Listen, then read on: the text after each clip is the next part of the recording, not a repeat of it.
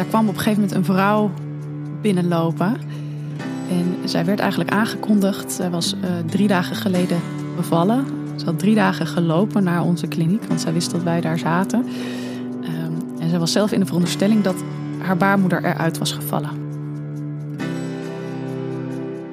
Hoi, goed dat je luistert naar deze speciale aflevering van Podnataal.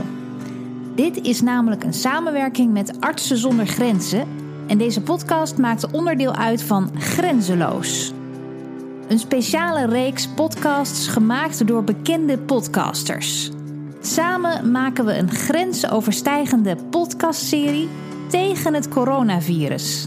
Het virus dat zich ook niet aan grenzen houdt. Vandaar de naam Grenzeloos. Misschien denk je, als vaste potnataalluisteraar, wat heeft dat alles te maken met potnataal en waarom doe jij daaraan mee? Dat zal ik je uitleggen. Toen ik werd gevraagd om een van de afleveringen van Grenzeloos te maken, was het voor mij eigenlijk een no-brainer. Als je mijn podcast vaker luistert, dan weet je dat ik geloof in de wetenschap en dus ook de medische wetenschap. Zonder goede gezondheidszorg zijn we nergens. Het is een basisbehoefte die voor iedereen ter wereld beschikbaar zou moeten zijn. Alleen om die reden al kun je niet anders dan Artsen zonder Grenzen steunen. Misschien heb je zelf al wel eens aan de lijve ondervonden tijdens je zwangerschap of bevalling hoe belangrijk medische zorg is. Maar sinds corona, sinds COVID-19 ons leven is binnengestormd, zijn we misschien wel allemaal meer dan ooit doordrongen van het belang van goede gezondheidszorg.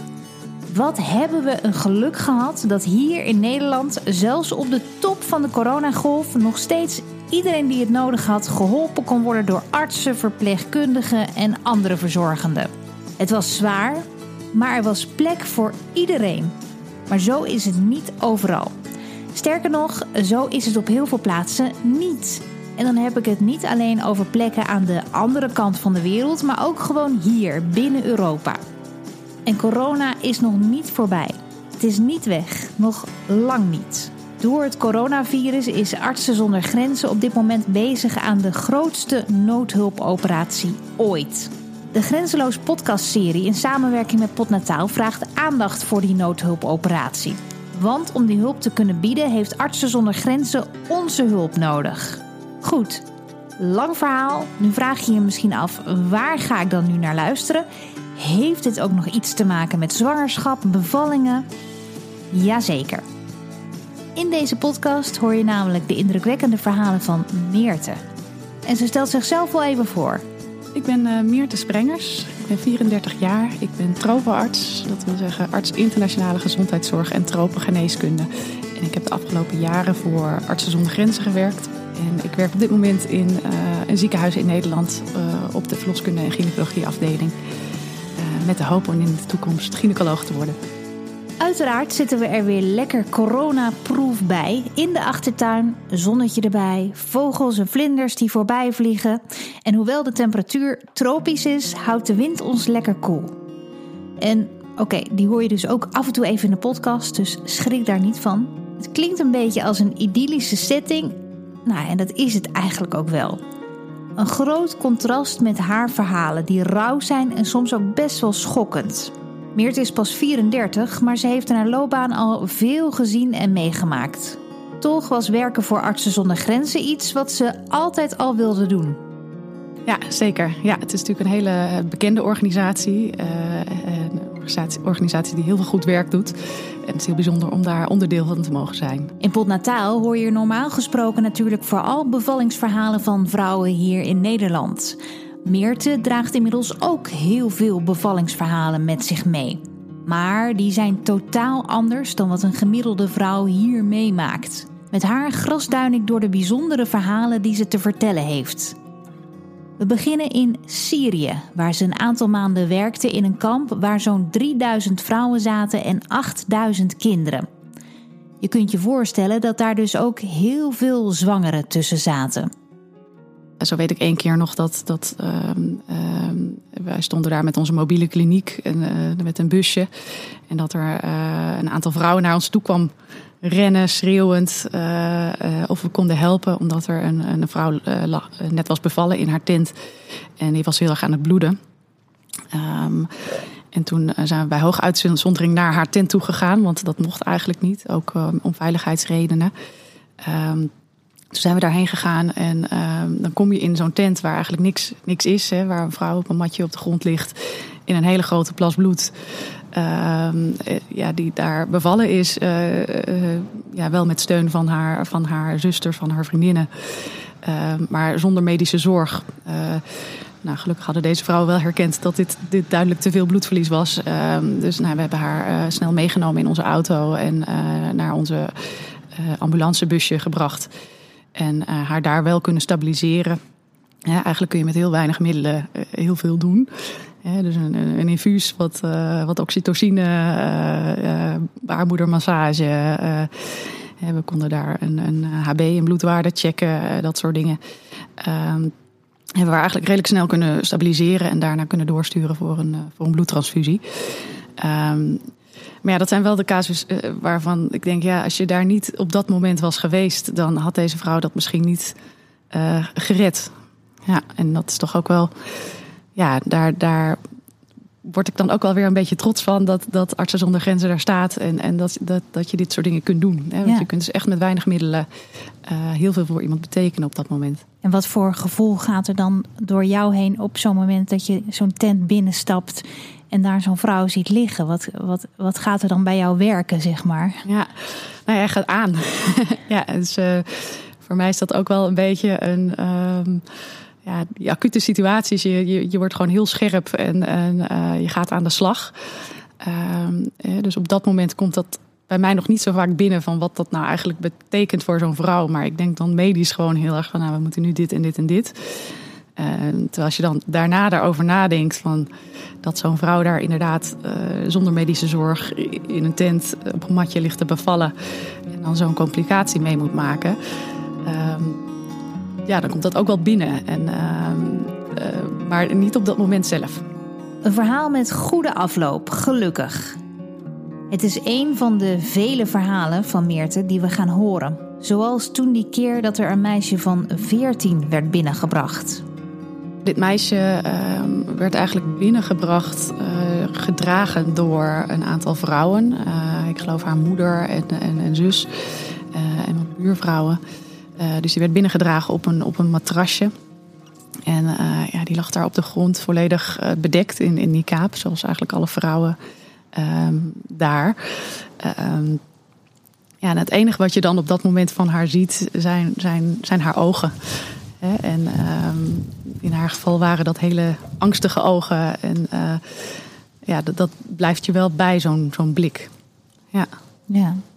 Ja, dat snap ik, ja. En het, het lijkt me ook heel uh, chockerend op dat moment dat je er dan achter komt dat zij nog maar heel jong is ook. Ja, ja want dat zie je vaak ook niet. Hè? Dat vrouwen, dus mensen komen binnen die volledig bedekt zijn en eigenlijk pas als je ze uh, dus onze bus inbracht en daar konden onderzoeken, dan kwam daar inderdaad af en toe een heel jong meisje onder vandaan. Of, of iemand die heel erg uitgemergeld en onder, ondervoed was. Uh, dat zag je eigenlijk pas als je ze echt, echt ging onderzoeken. Het meisje met de angstige ogen blijkt nog een oude schotwond te hebben in haar ruggengraat, waardoor ze een dwarslesie heeft. En die wond was ook enorm gaan ontsteken, dus daar was ze eigenlijk had ze een hele nare infectie van. En die kwam eigenlijk pas bij mij op het moment dat zij, zij was 21 weken zwanger en dat zij ging bloeden. Dat was eigenlijk de reden voor haar om te komen. Het feit dat ze daar met een zwerende wond in de rug en een dwarslesie in een tent lag, dat was niet eens de reden geweest dat ze was gekomen. Um, ja, en die, hebben we wel um, op dat moment uh, even een stuk verder kunnen helpen. Uh, nou ja, die dwarslesie kan ik niet voor haar oplossen, maar ik kan wel de infectie behandelen. en, en nou, bij 21 weken kun je eigenlijk ook heel weinig doen als ze inderdaad te vroeg gaat bevallen. Dat, dat hebben we toen, doordat we de infectie hebben kunnen behandelen, nog even kunnen voorkomen. Maar dat was vlak voor het einde van mijn, van mijn tijd daar. Dus ik weet eigenlijk niet wat er dan met haar uiteindelijk is gebeurd. Um, en ja, dat is soms ook wel lastig. Hè? Dit zijn toch wel uh, casus die heel erg aangrijpen. En dat je ja, gewoon niet weet hoe het afgelopen is. Hè? En je kunt je daar van alles bij voorstellen dat het, dat het niet goed gegaan is. Gaat het af en toe dan nog door je hoofd dat je hier bent, uh, gewoon weer thuis? En dat dan even dat gezicht van dat meisje weer uh, in je gedachten voorbij komt? Ja, af en toe wel. En ik moet zeggen, dat komt heel erg bij vlagen. Hè. Soms ben ik daar helemaal niet mee bezig. Maar ja, zoals gisteravond ook weer ter voorbereiding hierop, dat ik dacht, er kwamen weer zoveel verhalen binnen. En ik dacht, oh, wat heb ik toch allemaal gezien? Het grijpt haar soms weer even aan als ze terugdenkt aan bepaalde patiënten. Ze vraagt zich af hoe het met deze mensen gaat, maar een antwoord daarop zal ze nooit krijgen. We maken even een kleine tijdreis en we dalen neer in Bangladesh, twee jaar geleden. Meerte heeft er een half jaar voor Artsen zonder Grenzen mogen werken. Daar uh, is het grootste vluchtelingenkamp ter wereld. Uh, daar is een heel groot kamp van Rohingya uh, die uit Myanmar zijn gevlucht. Ehm, en daar zitten op zo'n 26 vierkante kilometer bijna een miljoen mensen op elkaar gepakt. Ehm, het is ook wel heel indrukwekkend als je daar aankomt voor het eerst en voor het eerst door dat kamp heen rijdt of loopt. Het is gewoon heuvel na heuvel na heuvel vol met kleine bamboehutjes. Met enorm veel mensen. Gewoon overal, overal mensen.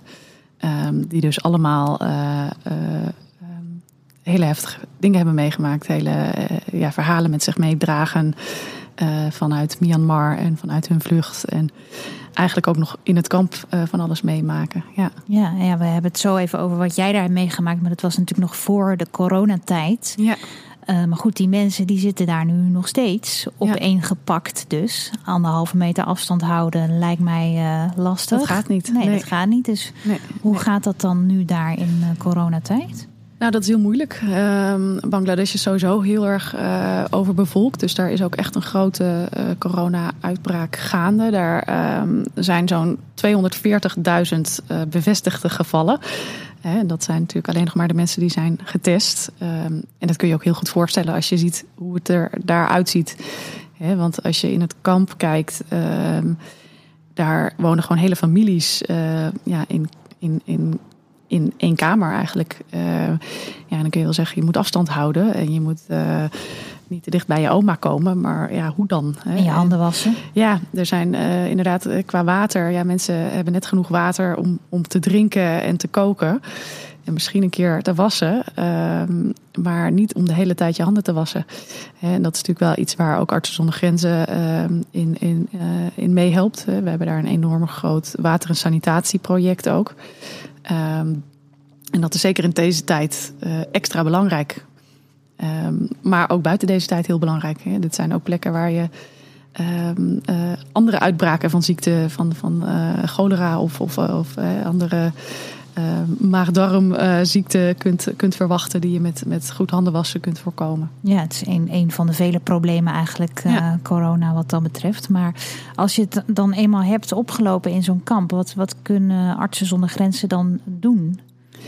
Nou, we hebben um, daar verschillende isolatieunits opgezet. Dus Artsen zonder Grenzen runnen daar dus ook voor coronatijd al meerdere klinieken. Hè, dus van echte ziekenhuizen tot uh, kleine health posts waar je meer voor je, uh, je, je, ja, je huisartsdingen naartoe gaat of je zwangerschapscontrole. Um, en eigenlijk in, in al die verschillende uh, plekken zijn isolatieunits opgezet, zodat mensen uh, geïsoleerd verpleegd kunnen worden. Met ja, basismiddelen, hè, dus geen, geen IC's. Um, maar wel zodat je de, nou ja, de, de grootste groep mensen wel kunt helpen en met name ook de verdere verspreiding kunt indammen. En dat is natuurlijk heel belangrijk. Ja, en daarbij wordt er ook heel veel gewerkt aan uh, voorlichting. Inderdaad, van wat kun je nou wel doen om het te voorkomen. Uh, hygiënemaatregelen. Inderdaad, zorgen dat mensen inderdaad proberen niet met grote groepen bij elkaar te zijn, hoe moeilijk dat ook is. Um, en verder, um, wat heel belangrijk is in deze plekken, is dat ook de gewone zorg doorgaat. En, want dit zijn mensen die zijn al zo kwetsbaar. Um, die hebben al zoveel gezondheidsproblemen. En daar komt dit nu bovenop. Um, maar er was eigenlijk al heel veel waar zij zorg voor nodig hadden. En mensen kwamen vaak al heel laat uh, naar het ziekenhuis. En dat zie je nu eigenlijk dat mensen ja, nog later komen. Hè? Of dat vrouwen ehm, ja, inderdaad er toch nog eerder voor kiezen om, om in hun hut te bevallen dan naar het ziekenhuis te gaan. Terwijl uh, nou ja, dit vaak wel hoog risico uh, zwangerschappen en bevallingen zijn die je eigenlijk gewoon in het ziekenhuis uh, wilt laten plaatsvinden. Ja, en heb je nog collega's die daar nu werken gesproken? Ja, ja, het zijn, ja, het, het, zijn wel heftige tafereelen. Ja. Ja, ja. Wat, wat krijg je dan te horen?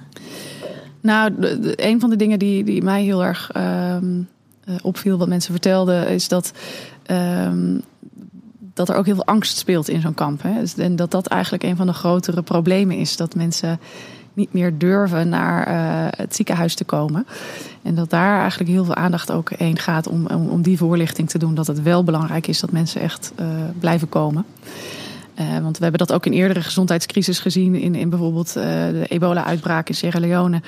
Dat er eigenlijk meer mensen doodgingen aan, aan, het, aan andere dingen. Omdat zij geen uh, zorg meer kregen of geen zorg meer opzochten.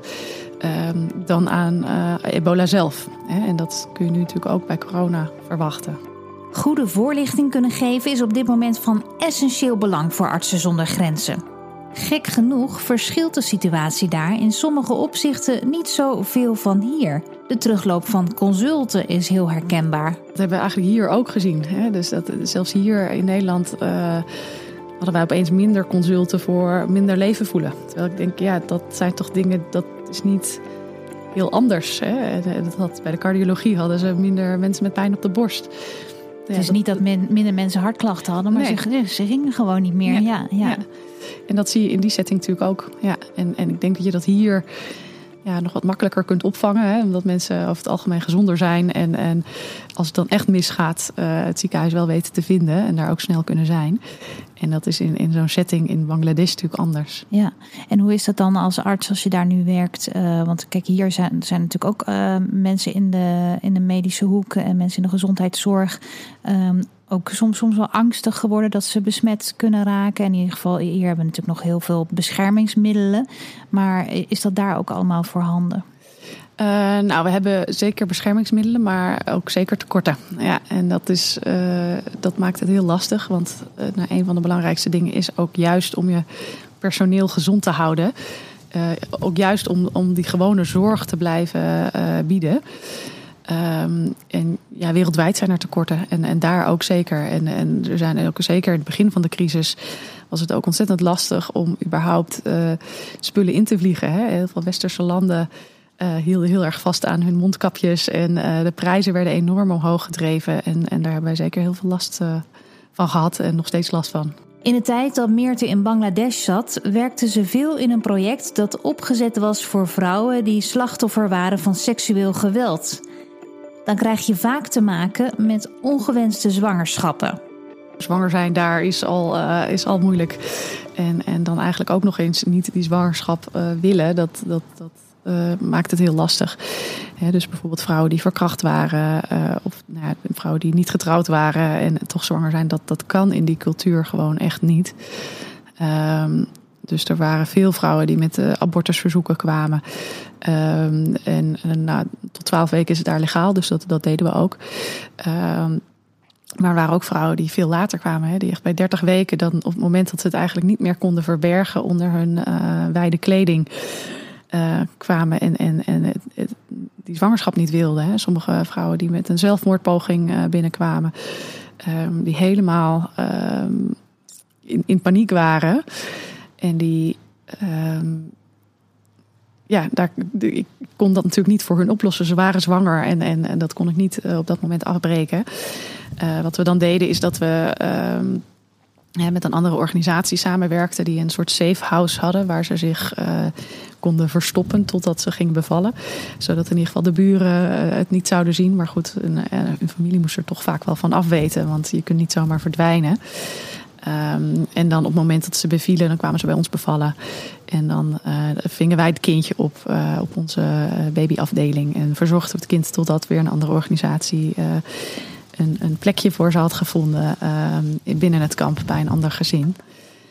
Um, dit waren wel hele heftige verhalen. Ja, ja, dan heb je heel veel psychisch leed. Vooral ja. eigenlijk gaat het eigenlijk nog niet eens zozeer om de medische kant, maar meer. Ja Ja, ja, absoluut. Ja, want inderdaad, de bevalling was dan vaak niet eens het, het probleem. Nee, nee. nee.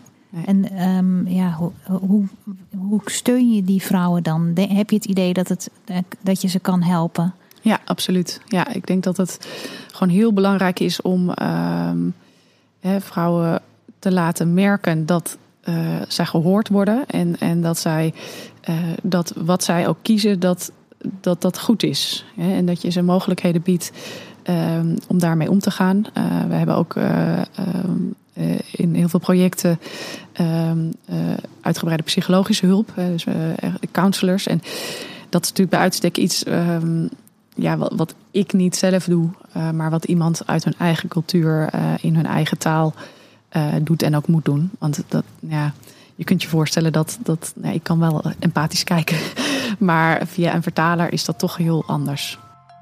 Artsen zonder Grenzen werkt altijd met lokale teams. En daar leert Meerte zelf ook weer heel veel van.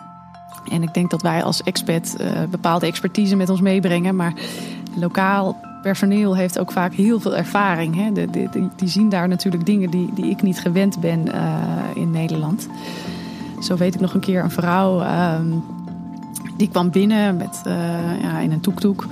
En uh, nou, die stapt daaruit en ze liep heel ongemakkelijk. En ik dacht, nou, deze vrouw is gewoon aan het bevallen. Weet je, die heeft pijn, maar goed, dat, dat is normaal.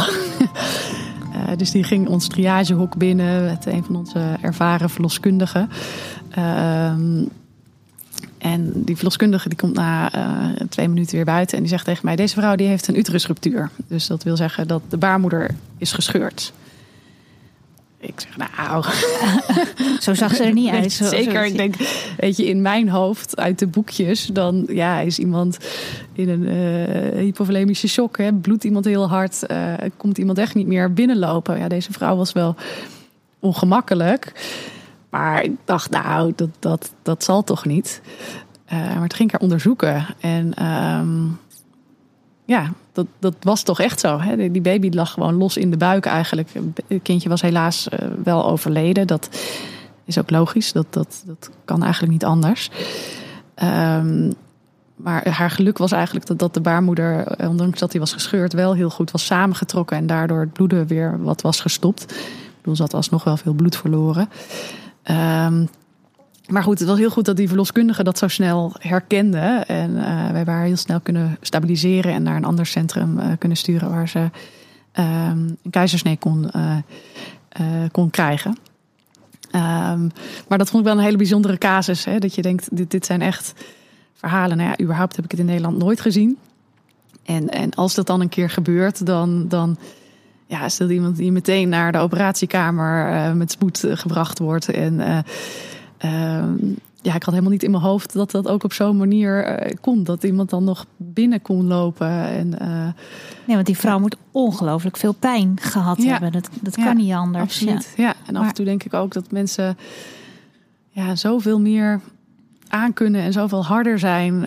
gewoon door wat ze allemaal hebben meegemaakt. Dat ik denk dit zie ik een Nederlandse vrouw niet doen. Nee. Nee, nee. Maar heeft dat dan. Jij denkt echt dat dat te maken heeft met dat zij gewoon al zoveel op hun bord hebben gekregen. Ja, dat dit eh, eigenlijk gewoon ja, bijna peanuts is. Ja, chargeer ik het wel heel erg. Maar. Hè? Nou ja, ik denk inderdaad dat ze echt door het leven gehard zijn. Maar ook, ja. uh, wat moet, dat moet. En, en, dat is natuurlijk wel dat, dat overlevingsinstinct. Dat daar. Uh, ja, daar, daar kun je heel veel door voor elkaar krijgen. Voor we weer gaan neerstrijken op Nederlandse bodem, neemt Meerte ons eerst nog mee naar Zuid-Soedan. Ook daar blijkt het voor een Nederlandse arts heel lastig om in te schatten of een vrouw pijn heeft. Dat ik soms gewoon in het begin niet zag of vrouwen nou echt aan het bevallen waren. dat, dat hier, nou ja, je, hoort ze wel. Dat, dat, dat zie je, iemand heeft pijn. En daar is het cultureel heel gebruikelijk dat je pijn niet laat zien. En, en nou ja, soms dan, dan moest ik echt inderdaad mijn hand op de buik leggen om te kijken of ze wel echt weeën hadden. En eh, nou ja, dan liepen ze daar een beetje rond en dan keken ze een beetje moeilijk. En dan op een gegeven moment gingen ze persen en dan kwam er een kind uit. In het begin een hele gekke gewaarwording. Uh, ja, als je dat, dat niet gewend bent. Hè? Kijk, hier, uh, uh, zeker in het ziekenhuis, hebben natuurlijk heel veel vrouwen die, die graag pijnstilling willen. En uh, nou ja, dat toch op een hele andere manier ervaren, laat ik maar zeggen. Um, en dat, dat is oké. Okay. maar ik vond het wel heel bijzonder om in het begin te ja. zien hoe dat ook kan. Maar, ja. hoe, maar hoe kan dat? Maar vraag ik me af. Ja, want ik bedoel, dat is ook wat ik. Ik heb natuurlijk veel vrouwen gesproken die uh, bevallen zijn. En wat je heel vaak terug hoort, is dat mensen zeggen: Nou, er kwam toch een soort van oerkracht over me heen. Hè? Het, het, het overspoelde me zo erg. Dan dan is er geen houden meer aan. Uh, en dan weet je helemaal niet meer goed soms hoe je reageert. Ja. Uh, maar hoe, hoe is het mogelijk dat deze vrouwen dus zo'n beheersing over zichzelf houden dat ze, ja, dat ze dus niet kunnen laten zien aan de buitenkant hoe erg ze op dat moment pijn hebben? Ja, ja dat is een goede vraag. Ik, ik heb me dat ook heel vaak afgevraagd. En ik vond dat daar ook echt opvallend, ook al van jongs af aan. Soms ook kinderen die met nou ja, open botbreuken binnenkwamen en daar gewoon eigenlijk ja, zaten en, en rustig aan het wachten waren totdat er iemand kwam. Ja, dat kun je niet voorstellen. Nee. Uh, maar het, ja, het is echt een andere, andere pijngrens. Ja. ja. Maar dat betekent dus voor jou ook dat je dus weer ja, een soort van nieuwe schakel moet maken en op een andere manier te werk gaat uh, daar. Ja. Ja, ja, je bent echt op andere uh, dingen aangewezen om te kijken hoe ernstig uh, iets is. Hè? Op meer ja, objectieve metingen, zeg maar. nou ja, dus dat is inderdaad een andere, hele andere inschatting die je moet maken. Zuid-Soedan is eigenlijk de eerste plek waar Meerte ooit naartoe ging voor Artsen zonder Grenzen. Een enorme sprong in het diepe, want qua voorzieningen is daar nagenoeg niets. Artsen zonder Grenzen heeft er een ziekenhuis en dat is ook meteen het enige ziekenhuis. Ja, dat is wel indrukwekkend. Ja, het, uh, het is heel anders. Dat ziekenhuis was uh, op dat moment ook nog in tenten. Hè? Dus uh, nou ja, eigenlijk grote zalen vol met, vol met mensen. Hè? Met ieder bedje een klamboe. Um, en um, nou ja, heel veel modder. ook in het, in het kamp. Het was één grote, één grote moddergebied. het was een soort van um, swamp area. Hoe zeg je dat in het Nederlands? dat, nou, dat was wel erg, erg indrukwekkend. Ja.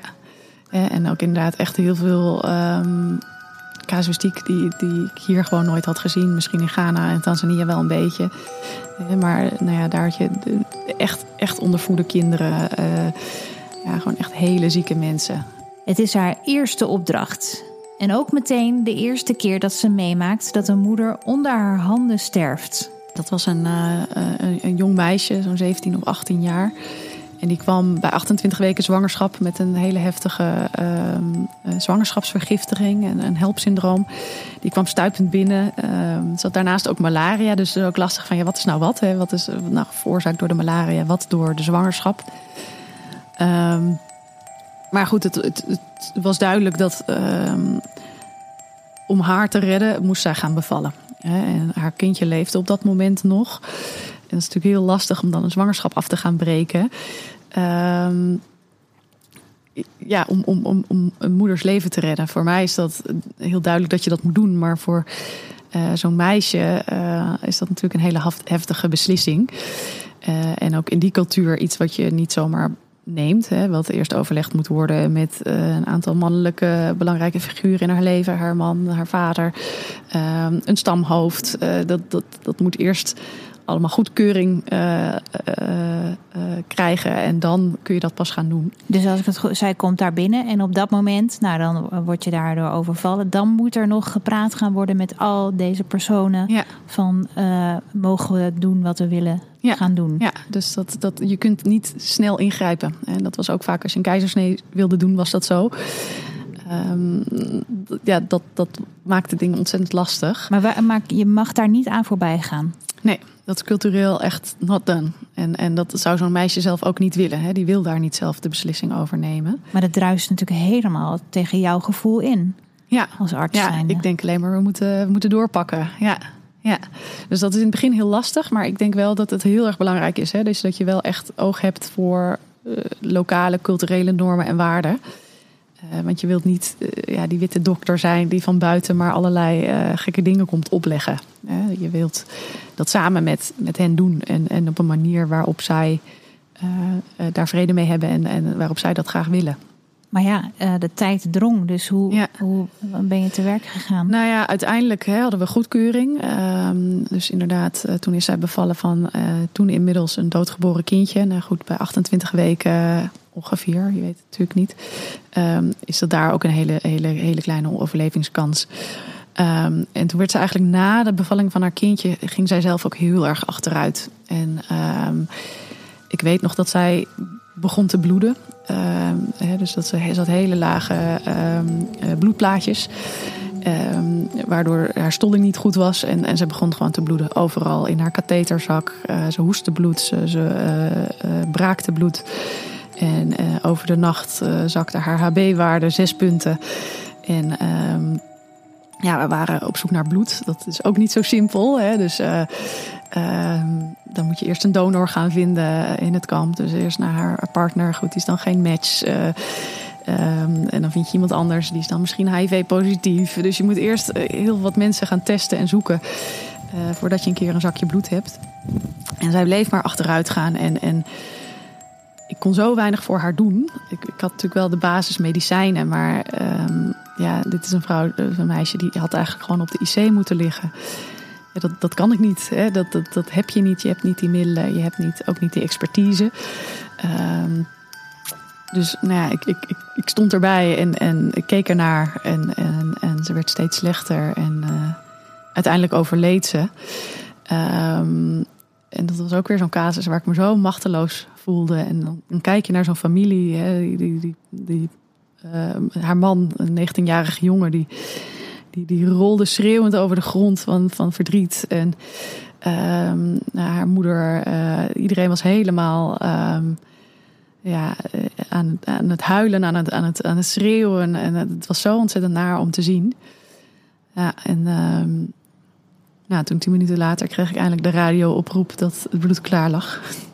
Ik, ja, dit uh, is te laat. Het zijn echt heftige verhalen die Meerte vertelt. Wat haar helpt om het te verwerken is veel praten. En stap voor stap doornemen wat er is gebeurd. Om zeker te weten dat ze alles heeft gedaan wat binnen haar macht lag. Door dit soort verhalen zou je misschien bijna vergeten dat het ook heel vaak goed gaat. De meeste verhalen lopen juist goed af. De mensen die je wel kunt redden en waarvan je weet dat, je, dat ze het misschien niet hadden gered of dat hun kindje het niet had gered op het moment uh, dat je er niet was geweest. Hè, of dat je daar als organisatie niet dat ziekenhuis had gehad.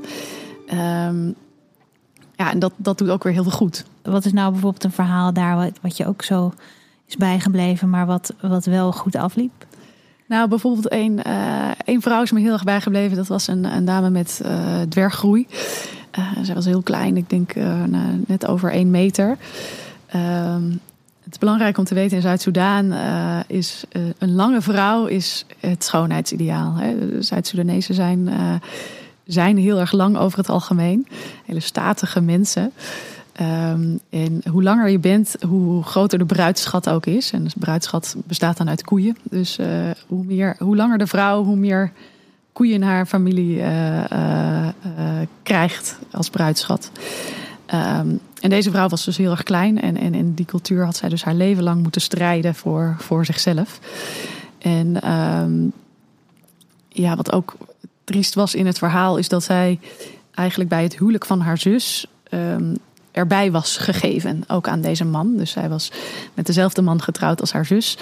En uh, voor haar zus was dan de bruidschat betaald. En zij ja, was er een beetje uh, bijgegeven. Dat kun je natuurlijk al niet voorstellen. Um, maar wel, nou ja, ik, ik heb die man gezien. Dat was al bijzonder, want meestal kwamen mannen uh, eigenlijk niet mee naar een bevalling.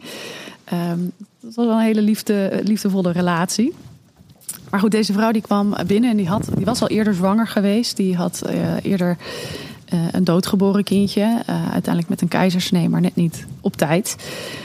omdat het gewoon niet paste. Ze, was niet alleen klein, maar had ook een, een klein nauw bekken.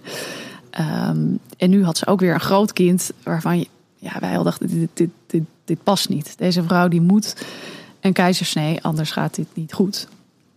Maar zij wilde dat niet. Zij wilde heel graag laten zien dat zij een echte vrouw was, dat zij kon baren. En uh, ze had een, een andere vrouw met een, een dwarslesie gehoord dat die ook gewoon vaginaal was bevallen. En als zij dat kon, dan, dan, kon zij het ook. En zij, zij was zo ontzettend pittig. Ja, ik, vond het wel prachtig. Ik vond het echt een heel mooi mens. Maar goed, ze was dus ook heel eigenwijs. Ehm, dus die heeft eigenlijk, die kwam binnen met weeën. En die heeft eigenlijk nog de hele nacht weeën gehad. Uiteindelijk wel tot volledige ontsluiting gekomen. Maar dat, ja, dat, dat kopje dat bleef zo hoog boven het bekken staan. En dat, dat ging gewoon niet werken. Dus op een gegeven moment ging ze heel demonstratief zitten persen. Dat ik dacht, dat doet het nou niet. Want eigenlijk breek je vliezen en dan komt er een navelstreng langs en dan gaat het mis. Um, en uh, nou, hebben we echt uh, zitten praten als brugman met haar, met haar partner, met, die, uh, met de andere vrouw, met nog andere belangrijke mensen. Om toch die keizersnee te doen. Tot op een gegeven moment haar man daar goedkeuring voor had gegeven. Nou, toen zei eigenlijk al, al het personeel, nou mooi, dan gaan we nu keizersnee doen. Dat ik dacht, nou ja, maar je kunt niet deze schreeuwende vrouw die dat zelf niet wil op tafel leggen. Dat, dat, dat, dat, nee, hoe ga je dat doen? Nee, nee. Maar goed, toen heeft haar man uiteindelijk haar ook overtuigd en aan de hand mee naar de operatiekamer gebracht. Wat heel bijzonder was daar, want meestal, de meeste vrouwen bevallen zonder partner. Um, en hebben uiteindelijk die keizersnee gedaan en een gezond kindje. En dat is allemaal goed gegaan. En ik weet nog dat ik haar de volgende dag in dat bed zag liggen met, met haar kind. En ze was zo ontzettend trots. Ze, was, ze straalde helemaal. Ja, hoe blij ze toch was dat ze nu moeder was. Hè? En dat, dat is natuurlijk ook heel belangrijk in die cultuur. En oké, het was dan niet vaginaal gelukt, maar nu was ze wel een echte vrouw. En uh, ja, want ze had een kind. En ja, dat, dat, dat was natuurlijk prachtig om, uh, om te zien. Ja, dan was het gewoon helemaal vergeten eigenlijk ja. alle, alles ja. uh, vooraf. Ja. ja. Jij straalt ook een beetje, een beetje alsof, alsof het je eigen bevalling uh, ja, was. Precies. Bijna, ja. ja, maar dat, ja, dat zijn gewoon hele mooie dingen. Dat blijft gewoon mooi om, om ja, die goede verhalen waar het goed gaat. En waar ook iemand zo ontzettend blij en trots is. Dat, ja, ja. Dat, is heel fijn. Ja, ja, precies. Want je wil, uiteindelijk is dat natuurlijk het enige wat je wil. Dat iemand gewoon ja. gezond en met een gezond kindje weer naar huis uh, gaat. Ja. ja. Meert heeft zoveel meegemaakt. We kunnen er wel een hele reeks van maken. Maar dat gaat helaas niet. Toch is er nog een verbazingwekkend verhaal dat ik je gewoon niet wil onthouden. Daar kwam op een gegeven moment een vrouw binnenlopen. En zij werd eigenlijk aangekondigd. Zij was uh, drie dagen geleden bevallen. Ze had drie dagen gelopen naar onze kliniek, want zij wist dat wij daar zaten. Um, en zij was zelf in de veronderstelling dat haar baarmoeder eruit was gevallen. Toen dacht ik, nou, dat, ik hoop het niet. Um, maar goed, ging ik haar onderzoeken en toen, had het, toen bleek ze zo ontzettend naar uitgescheurd te zijn. Dat er echt nou ja, een, stuk vlees van onderen hing, zeg maar. Ja, naar om het zo te zeggen. Maar dat was nou, gewoon echt heel erg uh, naar uitgescheurd. Um, en nou ja, na drie dagen was het ook een beetje geïnfecteerd. En uh, uiteindelijk hebben we dat wel schoon kunnen krijgen. En, en, en ja, dat toch weer uh, grotendeels goed kunnen maken en kunnen hechten. Um, maar om je voor te stellen dat, dat, dat je drie dagen loopt met zo'n ruptuur. Dat, dat, dat, daar kun je geen voorstelling bij maken. Nee, nee. nee. Hier is dat, uh, nou ja, ijspekjes en uh, kraamzorg. En, uh, en daar, ja, de, je kunt je er geen voorstelling bij maken hoeveel pijn dat moet doen om, om, om daar drie dagen mee te lopen. En dat dat toch. Met haar kindje, met haar kindje op de rug. Ja, wat een kracht, wat een doorzettingsvermogen. Hè, maar wel, ja, zich realiseren dat, dat dat nodig was. En dat ze die zorg nodig had. Hè, dat het anders uh, waarschijnlijk niet goed zou genezen. Um, maar ja, wat een, wat een angst je ook moet ja. doorstaan. Uh, ja. Maar wat, onvoorstelbaar. Een, wat fijn dat je. Ik kan me voorstellen dat het ook voor jou dan heel fijn is dat je haar wel uiteindelijk kan helpen. Ja, ja zeker. Ja, ja dit zijn wel inderdaad. Dit, dit is waarom je daar bent. Hè? Waarom ik daar ben. Waar, waarom wij daar zijn als artsen zonder grenzen. Uh, ja, dit, dit is de urgentie van, van, van de zorg. Um, en dat is inderdaad precies waarom wij dat werk doen. En de vrouw loopt uiteindelijk weer zelfstandig naar huis terug. We komen weer terug in het nu. In coronatijd.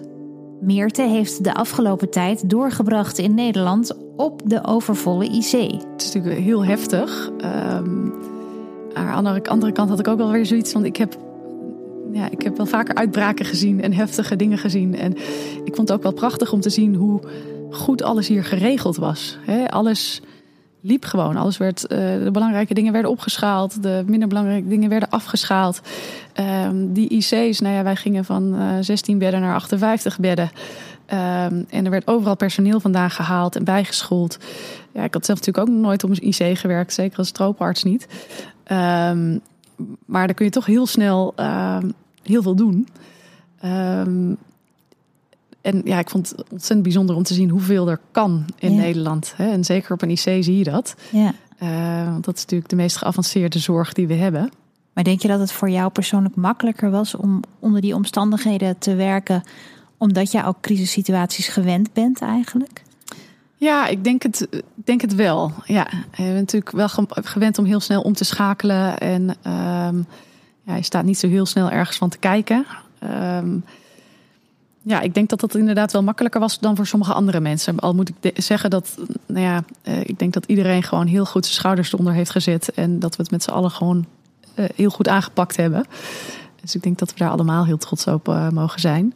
Maar ik denk wel dat het inderdaad ja, voor sommige mensen anders was. Die ja, nog nooit eerder ja, een uitbraak van ook maar iets hebben meegemaakt. Ja. ja. Ja, de keerzijde daarvan is natuurlijk, jij maakt zulke heftige dingen mee. Dat hebben we natuurlijk net wel gehoord. Maar Ehm, ja, hoe maak je dan die schakel als je weer uh, in Nederland bent? Want uh, ja, hoe zorg je dat je niet verhardt, zeg maar? Want ik kan me voorstellen dat, dat het voor jou natuurlijk heel moeilijk is om als je net zo'n ja, zo'n vrouw in Zuid-Soedan hebt behandeld die drie dagen heeft gelopen na de bevalling ja. met een totaal ruptuur, dat je dan ja, hier wat minder begrip misschien kan opbrengen voor een vrouw die in alle mooie omstandigheden die we hier hebben uh, bevalt. Uh, ja. Ja en nee. Het is, het is in het begin het is echt wel even omschakelen. Ik heb vaak sowieso ook meer last van die reversed culture shock dan, uh, dan de gewone cultuurschok als je ergens heen gaat. Het is, het is inderdaad eh, echt omschakelen als je terugkomt. Uh, zowel op werkgebied als persoonlijk. Ik weet, vorig jaar toen kwam ik uit Syrië terug. En uh, dan ben je gewend dat iedereen in die kaap loopt. En, en twee weken later stond ik op een salsa festival in, in Kroatië... waar iedereen in zijn bikini op het strand stond te dansen ja, ik voelde me zo naakt. En ik vond het, was heel. Het is echt even wennen, maar goed, dat, dat ging ook snel wel weer goed. En dat is het werk natuurlijk ook. Inderdaad, dan kom je hier en dan, dan uh, begeleid je een vrouw die, die een hele goed zittende ruggenprik heeft. En die bijna niks voelt. En die nog een beetje televisie zit te kijken of een beetje slaapt. En, en dan, nou ja, op een gegeven moment gaan ze bevallen. En dan nou ja, komt er een kind, dan gaat het goed. het is natuurlijk heel ja, het is heel anders. Maar ook wel heel mooi. Ik, ik, ik ben ook wel gewoon heel blij dat, je, dat we deze zorg kunnen bieden. En dat, dat de zorg in Nederland zo goed is. Het lukt jou wel om dan uh, ja, dus niet te verharden als arts zijn. En dat je nog wel hetzelfde kan bieden uh, aan je patiënten. Ja, ja, dat denk ik wel. Ja, het is, uh, nou ja, af en toe heb ik mijn momenten inderdaad. Dat ik denk, uh, hè, waarom doen we zo moeilijk? uh, maar meestal, ja, weet je, het, is ook wel heel invoelbaar. Hè? Een bevalling is ook hier heel intens. En het is zo'n ontzettend bijzonder moment voor mensen. ja, dat, dat, is op zich niet heel moeilijk om je daarin in te leven.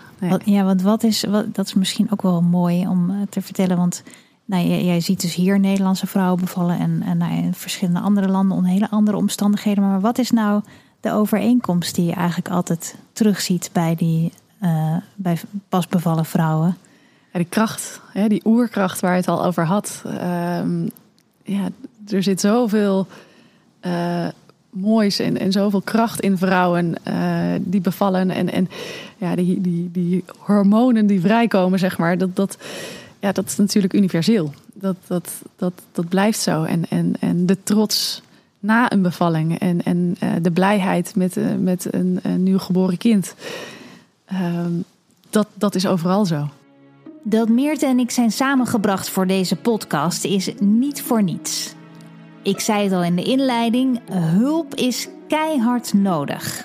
Het coronavirus is nog lang niet weg en in ieder land waar Artsen zonder Grenzen actief is, staan ze weer voor andere uitdagingen. We zitten op dit moment echt in de grootste noodhulpoperatie ooit. Ja, want ik denk, of tenminste dat denken veel mensen bij Artsen zonder Grenzen, denk je misschien automatisch Afrika, Zuid-Soedan, Bangladesh, inderdaad, dat soort landen. Maar we hebben het nu niet meer alleen over die plekken. Het nee, gaat... nee, het is nu echt overal. Hè. Dus uh, Arts zonder Grenzen heeft ook echt uh, binnen landen in Europa uh, meegeholpen. Daar kijkt de grote speakers nu natuurlijk voorbij. Um, maar inderdaad ook, ook hier in de buurt. En um, ja, natuurlijk ook vooral veel in de landen waar we al werken. Hè, dus dat er is opgeschaald of um, uh, hè, dat er isolatieunits zijn opgezet. Er is heel veel gedaan aan, aan voorlichting uh, wat betreft hygiënemaatregelen. Um, dus ja, emergency preparedness uh, noemen we dat. Dus dat, dat, dat zorgsystemen voorbereid zijn op, op, het, op de komst van zo'n crisis. Um, nou ja, dat, dat soort dingen. En, en, het ligt natuurlijk per land aan wat er, wat er nodig is. En in sommige landen is de piek veel groter geweest dan in andere. Um, en, en daar pas je natuurlijk je, je project op aan. Voor het coronavirus kwam, zat Meerte bijvoorbeeld in Venezuela. Daar zijn de tekorten aan spullen nu een gigantisch probleem. Nou, je kunt je voorstellen, wij hadden hier al te weinig mondkapjes. En de prijzen van de mondkapjes en, en ander uh, uh, materiaal is enorm opgedreven in de, in de internationale uh, wereld. Um, en daar worden dat soort landen natuurlijk de dupe van. Want die, die, die hadden al niks en die, die, die hebben nu ook nog heel erg weinig. Hè? terwijl zij het wel heel hard nodig hebben. Dus dat is ook echt zeker iets waar Artsen zonder Grenzen zich hard voor maakt. Dat ook naar dit soort landen uh, wel de, uh, de goederen worden gebracht die ze nodig hebben. Um, ja, natuurlijk met de nodige uitdagingen. Um, en, en dat is wel echt nou ja, waarom we ook nu meer dan ooit uh, fondsen nodig hebben. Wij zijn als Artsen zonder Grenzen volledig afhankelijk van, van giften. Hè, van giften van mensen persoonlijk, mensen zoals jij en ik. He, dat is waar ons geld vandaan komt. Wij, wij uh, nemen geen overheidsgelden aan. Hè. Um, dus dit, dit moet komen van mensen zoals jij en ik die, die, die giften doen. Of uh, mensen die erfenissen nalaten. Um, nou, vaste donateurs. En zeker op dit moment met zo'n grote wereldwijde gezondheidscrisis hebben we fondsen nodig. Dus dat is ja, zeker iets van mensen die gewoon een klein beetje over hebben en een klein beetje kunnen missen.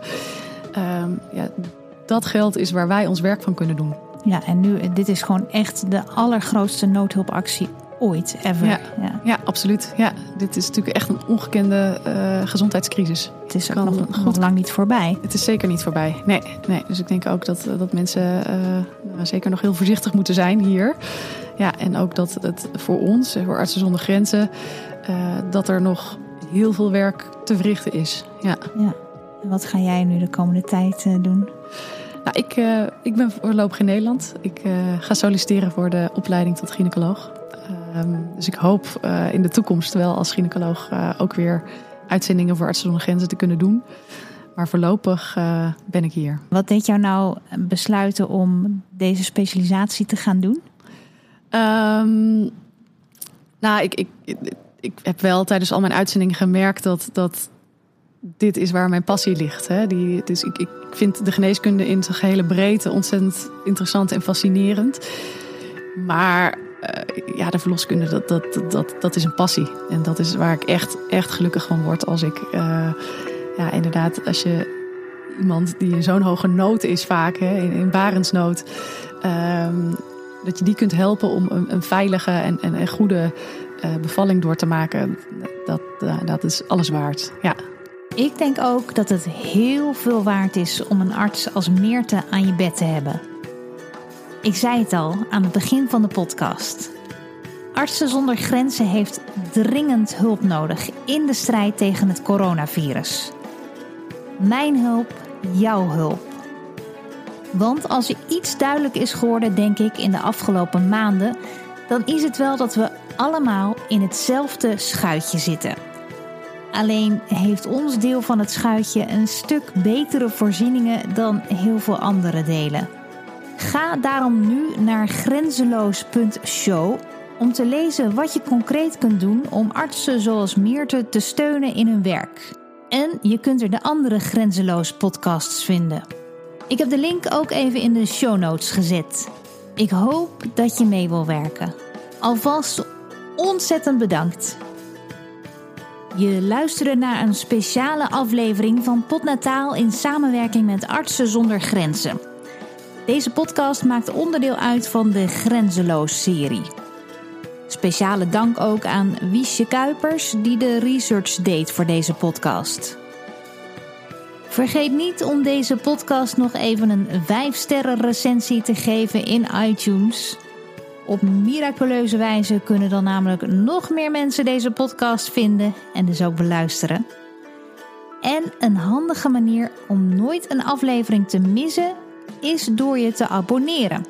Dan krijg je namelijk een melding als er weer een nieuwe aflevering beschikbaar is. Ik ben online te vinden via mijn Instagram-account, SimoneWijnands Gezellig als je me daar komt volgen. En Potnataal is te beluisteren via alle beschikbare podcast-apps. En natuurlijk via dag en nacht. Dag!